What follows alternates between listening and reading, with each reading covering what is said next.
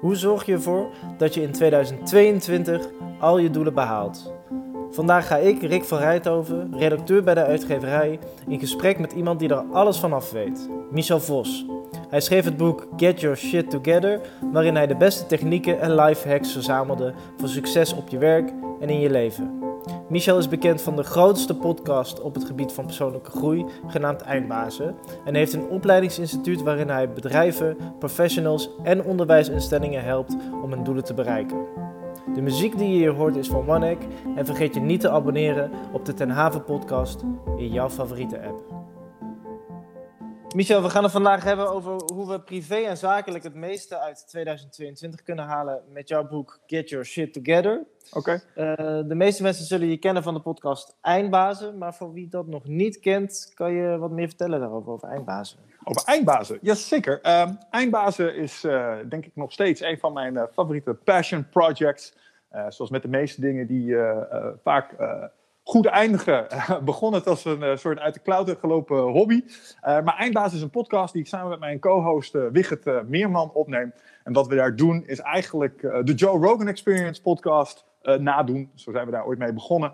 Um, waarbij we in een uh, format van 2,5 tot 3 uur uh, mensen die wij een eindbaas vinden, een, een diepte-interview mee doen. Een, eindbaas verstaan wij iemand onder die iemand die ergens uitzonderlijk goed in is. Of dat nou in het ondernemerschap is geweest, of als sportief gezien, of misschien heb je wel een paar hele toffe boeken geschreven die we inspirerend vonden. Nou, dan gaan we graag met je daarover in gesprek.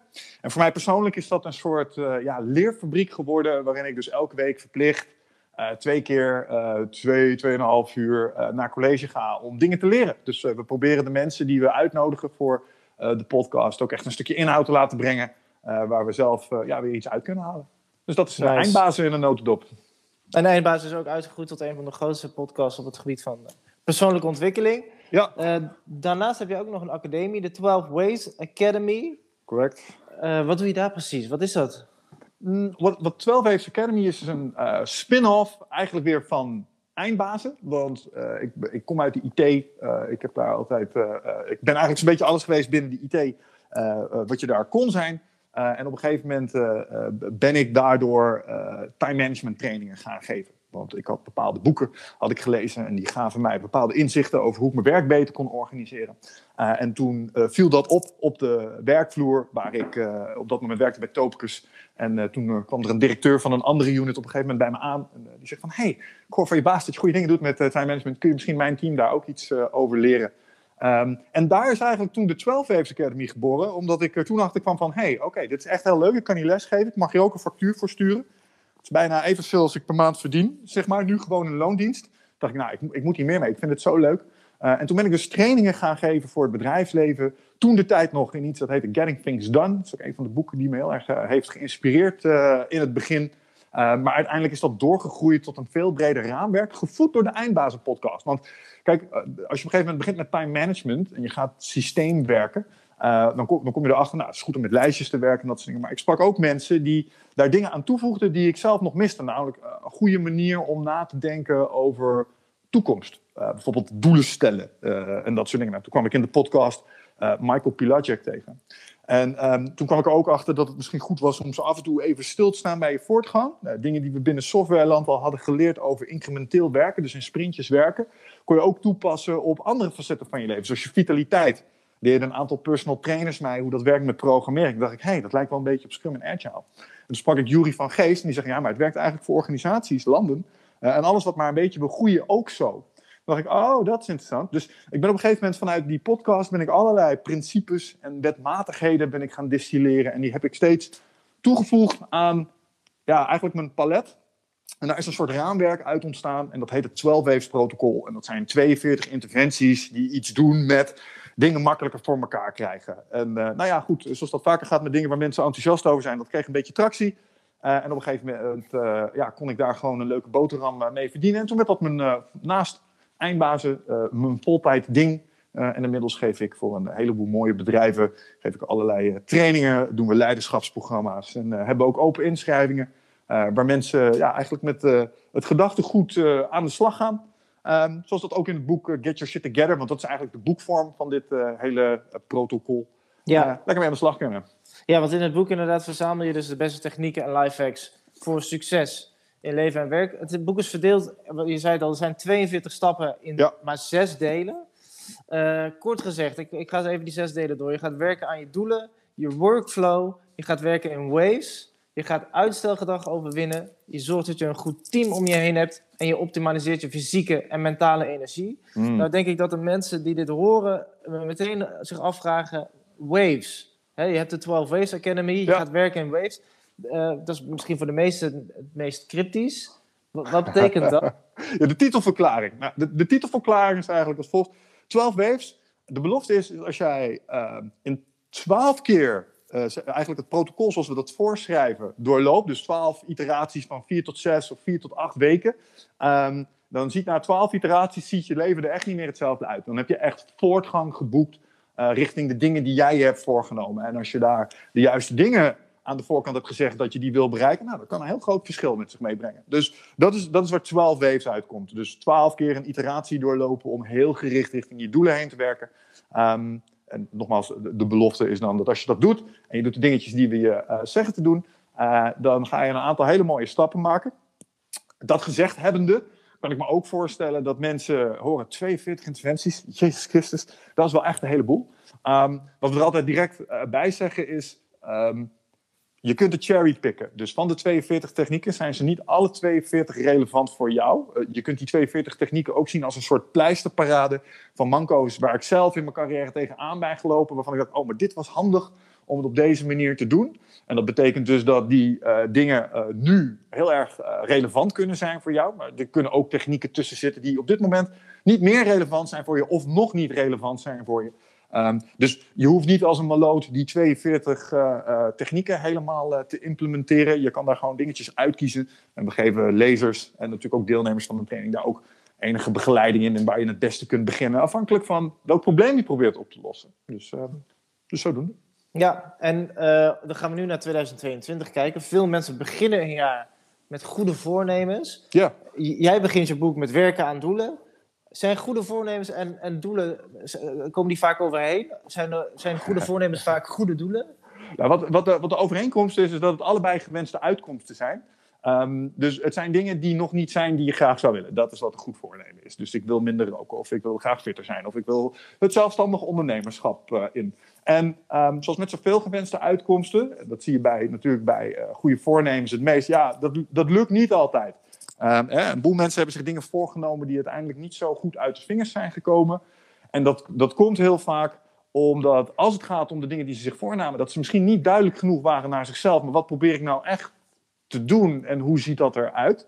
Uh, en alleen al dat uh, kan een ongelooflijk effect hebben op het daadwerkelijk halen van de gewenste uitkomst. Maar vaker zie je ook dat mensen het heel moeilijk vinden om een bepaald ingezet gedrag, want daar komt het onder de streep altijd om neer. Je moet iets gaan doen of je moet iets gaan laten. Uh, om dat vol te houden. Hè. Iedereen kent natuurlijk het beeld van de sportschool die in januari echt ramvol zit. Hoewel dat ten tijde van COVID misschien even wat anders eruit ziet. Maar dat cliché kent iedereen natuurlijk.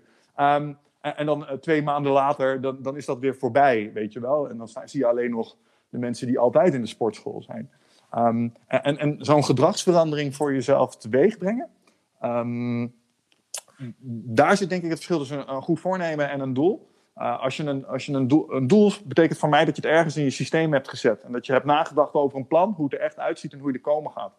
Um, en als je dan ook nog eens gaat nadenken over, maar hoe kan ik dit gedrag bestendigen? Daar op zich ook een doel van maken. Ik ga uh, inderdaad elke dag of uh, elke week ga ik twee keer ga ik sporten. Nou, hoe hou ik dat vol? daar een doel van maken, van dat volhouden. Snap je? en daar weer slimme acties op uitzetten, zoals mensen met je mee laten kijken. Uh, misschien met een beloningssysteem gaan werken. En ook snappen dat het oké is dat het zo af en toe even niet lukt. Want dat zie ik ook heel vaak. Dat mensen zich voornemen om dingen te doen. En dan gaat het één keer mis en dat is meteen gefaald, weet je wel. Dus we leren mensen ook vooral om heel incrementeel te werken. Snappen dat het ups en downs heeft. En dat het oké is om het zo af en toe los te laten. Wat we er ook altijd bij zeggen is... Het systeem is geen doel op zich. Het is alleen maar bedoeld om jou te brengen waar je komen wil. Snap je? Dus uh, vandaar. Dus uh, in zoverre uh, goede voornemens. Te gek. Dat resulteert als het goed is in een doel. En als je dat doel dan ook nog eens systematisch gaat adresseren. Um, nou, dan zou het maar zo eens kunnen zijn dat het werkelijkheid wordt. En ja, een laatste toevoeging daarbij vind ik altijd, want dat is ook wel zo met goede voornemens. Dan gaan mensen inzetten op iets. En dan komen ze er gaandeweg achter uh, dat dat toch niet helemaal is wat ze zoeken. Of niet helemaal de vorm is die nodig was om het probleem op te lossen. En dan zien ze het feit dat dat doel dan niet behaald wordt als een soort falen, terwijl uh, ermee stoppen is oké. maar voortschrijdend inzicht krijgen op wat je daadwerkelijk wil is ook oké. Snap je? Dus je kunt misschien aan het begin van het jaar wel denken, ik word de fitnessbink. Uh, en dan kom je er al crossfittend uh, achter. Kom je, nee, dat is eigenlijk helemaal niet wat ik wil. Ik wil graag een vechtsport gaan doen. Of uh, ik wil gaan hardlopen. Ja, dan heb je niet gefaald, snap je? Dan heb je gewoon iets geleerd. En, en dat is oké. Okay. En jij laat mensen ook uh, dat dan een roadmap aanleggen. En daar, daar is dan ook nog enige bewegingsvrijheid. Maar wat is een, een roadmap precies? Dat uitleggen? Ja, zeker. Een roadmap is eigenlijk, ja, nou ja, dit is een Engelse, het Engels woord voor routekaart. En wat is een routekaart? Uh, een routekaart vertelt jou hoe jij op een bestemming aankomt. Dus wat we mensen leren is uh, gewenste uitkomsten afpellen naar concrete tussenstappen. En die concrete tussenstappen uh, eigenlijk gewoon op een lijn plotten. Dus teken een lijn van links naar rechts. Dit is van nu naar de toekomst. Zet wat je wil bereiken aan het eind van die lijn. Bedenk nu logische tussenstappen die jij prima kunt verzinnen en zet die op een lijn in een volgorde. Begin vooraan op die lijn met het uitvoeren van wat je daar ook maar hebt neergezet. Uh, en dat is heel, heel, high level wat een roadmap is. En wat, wat een roadmap op een gegeven moment, als je hem gaat inzetten vanuit het protocol gaat doen, is jou helpen met alle dingen die je op je bord hebt liggen, managen. Want heel vaak zie je dat mensen die doelen willen bereiken of dingen willen veranderen, beetje worden ondergesneeuwd door alle dingen die op dat moment al op hun bord liggen. Lijkt altijd wel iets belangrijker. Hè? We noemen dat uh, de tirannie van het urgente. Uh, en wat een roadmap ook heel goed doet, is jou over alle verschillende ja, domeinen die je hebt, privé, uh, professioneel, misschien wel vitaliteit of financieel, overzicht houden over de dingen die daar op je bord liggen. en die hebben die zaken ook al, omdat je, want daar heb je van tevoren over nagedacht, in een volgorde gezet. Dus als je een roadmap hebt, heb je in principe een overzicht met daarin al jouw gewenste uitkomsten en de stapjes die je er gaan brengen uh, in een volgorde. En dat, is, dat klinkt misschien als een hele zware exercitie om te doen, maar binnen anderhalf uur kunnen wij mensen een, uh, een operationele roadmap laten maken als we echt willen. Uh, en dan heb je vanaf dat moment, want, time, want, want, een roadmap maken is echt een van de beste time management interventies die je voor jezelf kunt doen. Als je zo'n roadmap één keer hebt gemaakt, dan heb je voor de periode waar die over gaat, heb je echt iets gedaan in termen van je persoonlijke effectiviteit. Want kijk, stel je maakt een roadmap voor een jaar. Wat je eigenlijk vraagt aan je hersenen is: oké, hersenen, dit is een rivier waar ik overheen wil. Ik wil over een jaar daar staan. En als ik jullie nu, en de luisteraar ook, een mentale oefening mag geven. En ik zeg: oké, we staan met z'n allen aan de kant van een rivier. We willen naar de overkant, want daar staat een boom met bananen. Die willen we opeten. En uh, hier aan de rechterkant uh, van ons staat een boom met een laaghangende tak en daar hangt een liaan aan. En uh, hier zo uh, links voor ons liggen een paar stokken. Een stukje verderop liggen een paar stenen. En jij kan niet anders als dit probleem direct beginnen op te lossen. Ja? Dus met dat je dit hoorde, was, waren de luisteraars en jij waarschijnlijk ook iets van een vlot aan het bouwen. Of je was aan die lianen aan het zwengelen. Of je was iets met die stenen aan een touw aan het doen. Maar iets van die aard, toch? Ja. Uh, ja, en, en daar, kan, daar kan je hoofd niet helpen, want daar is het voor gemaakt. Hè? Je hoofd is gemaakt om problemen in real time op te lossen. Uh, vanuit moeder natuur. Dus als jij dit tegenkwam in moeder natuur, nou, dan moest je dit probleem kunnen tackelen. Een roadmap is eigenlijk jezelf presenteren met zo'n rivier. Zo van, oké hoofd, dit is waar ik komen wil. Uh, vertel mij de logische tussenstapjes maar. Dat noemen ze natural planning. En dit doe jij de hele dag door. Alleen het verschil met een roadmap is, je legt het even vast voor jezelf. En dan een beetje high level, dus op projectniveau. Acties zetten we vaak op een actielijst. Maar snap je, dus om jezelf een beetje we omschrijven het ook wel eens als een schultjes graven. Als je ooit op vakantie bent geweest en het regent heel hard, dan heb je dit moeten doen. Heb je schultjes moeten graven voor het water. En jouw uitgifte van tijd is eigenlijk als dat stromende water. Gaat alle kanten op. Tenzij jij van tevoren een paar gultjes hebt gegraven, moet ongeveer die kant op. En dat proces is smoetsig en dat proces hoeft niet perfect te zijn. Maar door jezelf die doelen te stellen, zul je zien dat je onbewust al veel meer acties gaat uitvoeren richting zo'n uh, roadmap. En een van de meest gehoorde commentaren die ik krijg uh, van deelnemers die zeg maar, een roadmap hebben gemaakt, bijvoorbeeld uh, een jaar geleden of twee jaar geleden, is dat, wauw, ik, eh, ik heb nu mijn roadmap weer bijgewerkt. En ik had niet in de gaten dat ik er zoveel aan gedaan had. Snap je? Ik kan zoveel vinken wat ik niet, waar ik niet bewust van was. Omdat ja, als je die time management interventie één keer gedaan hebt, of die, die goal setting interventie, dan gaat je gedrag sowieso uh, je proberen richting dat doel te krijgen. Want dat heb je dus aan je hersenen gevraagd. En dat is in principe wat zo'n roadmap doet. Even los van allerlei andere dingetjes die je kunt verzinnen om je tijd nog iets efficiënter uit te geven. Maar dat is het grote voordeel van een roadmap. Mooi, ja, het werkt super visueel ook. Dus dat ja. is echt heel mooi. Ja, ja, nice. Een van de dingen die je al zegt, van we krijgen zeker in deze tijd en vaak ook professioneel, veel, heel veel op ons bordje. Mhm. Eh, en volgens mij is het ook zo dat we misschien te veel zelf willen doen. En een van de punten is ook uit jouw boek is dat je echt leert om ook andere mensen onderdeel te maken van je team. Mhm. Hoe, waarom is het zo belangrijk? Nou ja, het, is heel simpel. als je je werkbalans, werk-privébalans een klein beetje wil bewaken, dan kom je snel tot de conclusie dat 40 uur per week is al wel echt de max. Snap je? en in 40 uur per week kun je maar zoveel doen. En uh, een manier om je productiviteit en je slagvaardigheid te vergroten is door specialisten, mensen, stukjes van werk te laten oppakken voor jou. Uh, zodat je dat uh, niet zelf hoeft te doen. En ik spreek nu even als een ondernemer hè, die niet een vast team heeft met, met werknemers en dat soort dingen. Um, maar ook in de tijden dat ik gewoon een team heb aangestuurd binnen een organisatie en, medewerkers had en dat soort dingen, is dit waar. Dus um, het is, als je een doel wil halen, ja, je kan hetzelfde alleen. Um, dus je hebt mensen om je heen nodig. En als je dan mensen om je heen verzamelt, nou ja, dan is, de tip: zet ze in op specialisme. Dus zorg ervoor dat je een soort dreamteam hebt om je heen, dat heel specifiek stukjes van het probleem dat je op te lossen hebt, uh, probeert te tackelen. En wees ook niet bang om daar keuzes in te maken. Een van de, hè, als, het bijvoorbeeld, als het bijvoorbeeld niet werkt, of uh, op het moment dat uh, er een mismatch is in de samenwerking. Um, want ja, die teamsamenstelling nogmaals alle mensen die je bewondert, dus die op een podium staan, of die de hand omhoog gerezen kregen in een ring, of uh, die op een TEDx-podium mochten staan omdat ze een paar dingen heel erg goed hebben gedaan. Wij kijken naar die mensen en we bewonderen ze, maar we denken altijd dat ze dat alleen hebben gedaan. En je moet je dus echt gaan realiseren dat dat zelden het geval is. En dat er altijd een heel team van mensen omheen zit. Hè. Neem bijvoorbeeld, uh, ik ben een vechtsportfan, kijk graag naar de UFC. Eh, nou, dan zien we onze landgenoot Alistair Overheim daar staan. ik weet dat ja, hij staat in die ring te knokken, maar hij heeft een coach, hij heeft een voedingsspecialist, hij heeft een fysio, hij heeft een krachttrainer, hij heeft een vechtsporttrainer voor staand, hij heeft een vechtsporttrainer voor op de grond. En dat zijn allemaal specialisten die hij nodig heeft om die puzzel van een, hè, een MMA-gevecht op te lossen. En ik denk dat, maakt niet uit wat je doet, of je nou een vechter bent, of je bent een ondernemer, of je bent een docent, jij probeert hetzelfde te doen. Je probeert een probleem op te lossen. En soms ben jij niet degene die kan, of heb je speciali specialisme nodig. Uh, en daar zit een stukje bescheidenheid in. Dat, dat, moet je snappen, dat moet je onderkennen en daar moet je ook niet moeilijk over doen. Want de grootste valkuil waar ik een boel mensen in zie vallen als het gaat om persoonlijke effectiviteit, van ja, als ik wil dat het goed gebeurt, hè, dan doe ik het wel zelf. Ja, ja, um, ja. ja dat is een valkuil. Ja.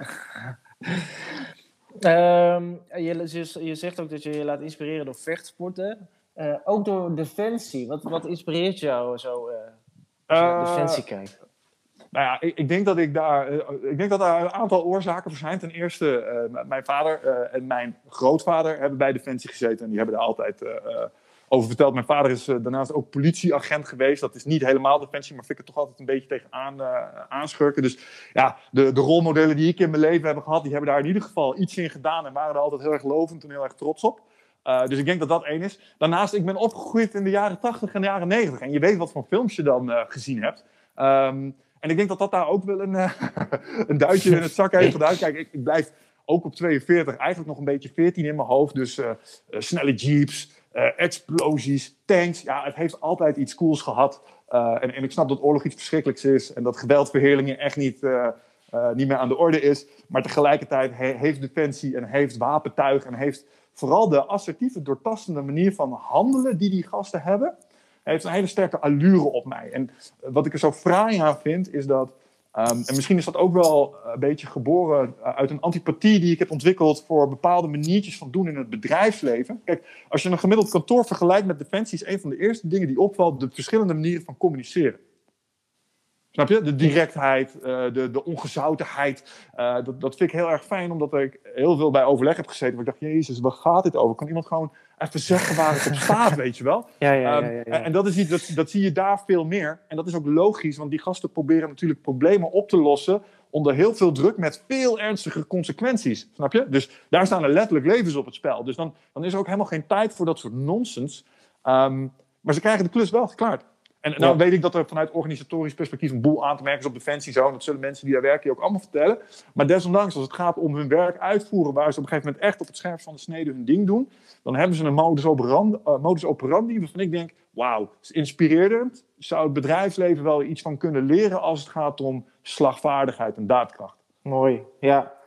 Laatste vraag. Sure. Uh, jouw doelen voor 2022? Nou, daar was je zelf randvoorwaardelijk aan. Ik ga je denk ik niet verbazen. Ik heb uh, laatst gehoord dat ik zes boeken moet gaan schrijven. Dus uh, ja. ik denk dat ik maar een beginnetje ga maken aan de eerste twee uh, volgend jaar. dat is één. Um, ja, verdere uitbreiding van de activiteiten op de campus. We hebben vorig jaar hebben we een mooie campus geopend in Dronten op een mooi landgoed.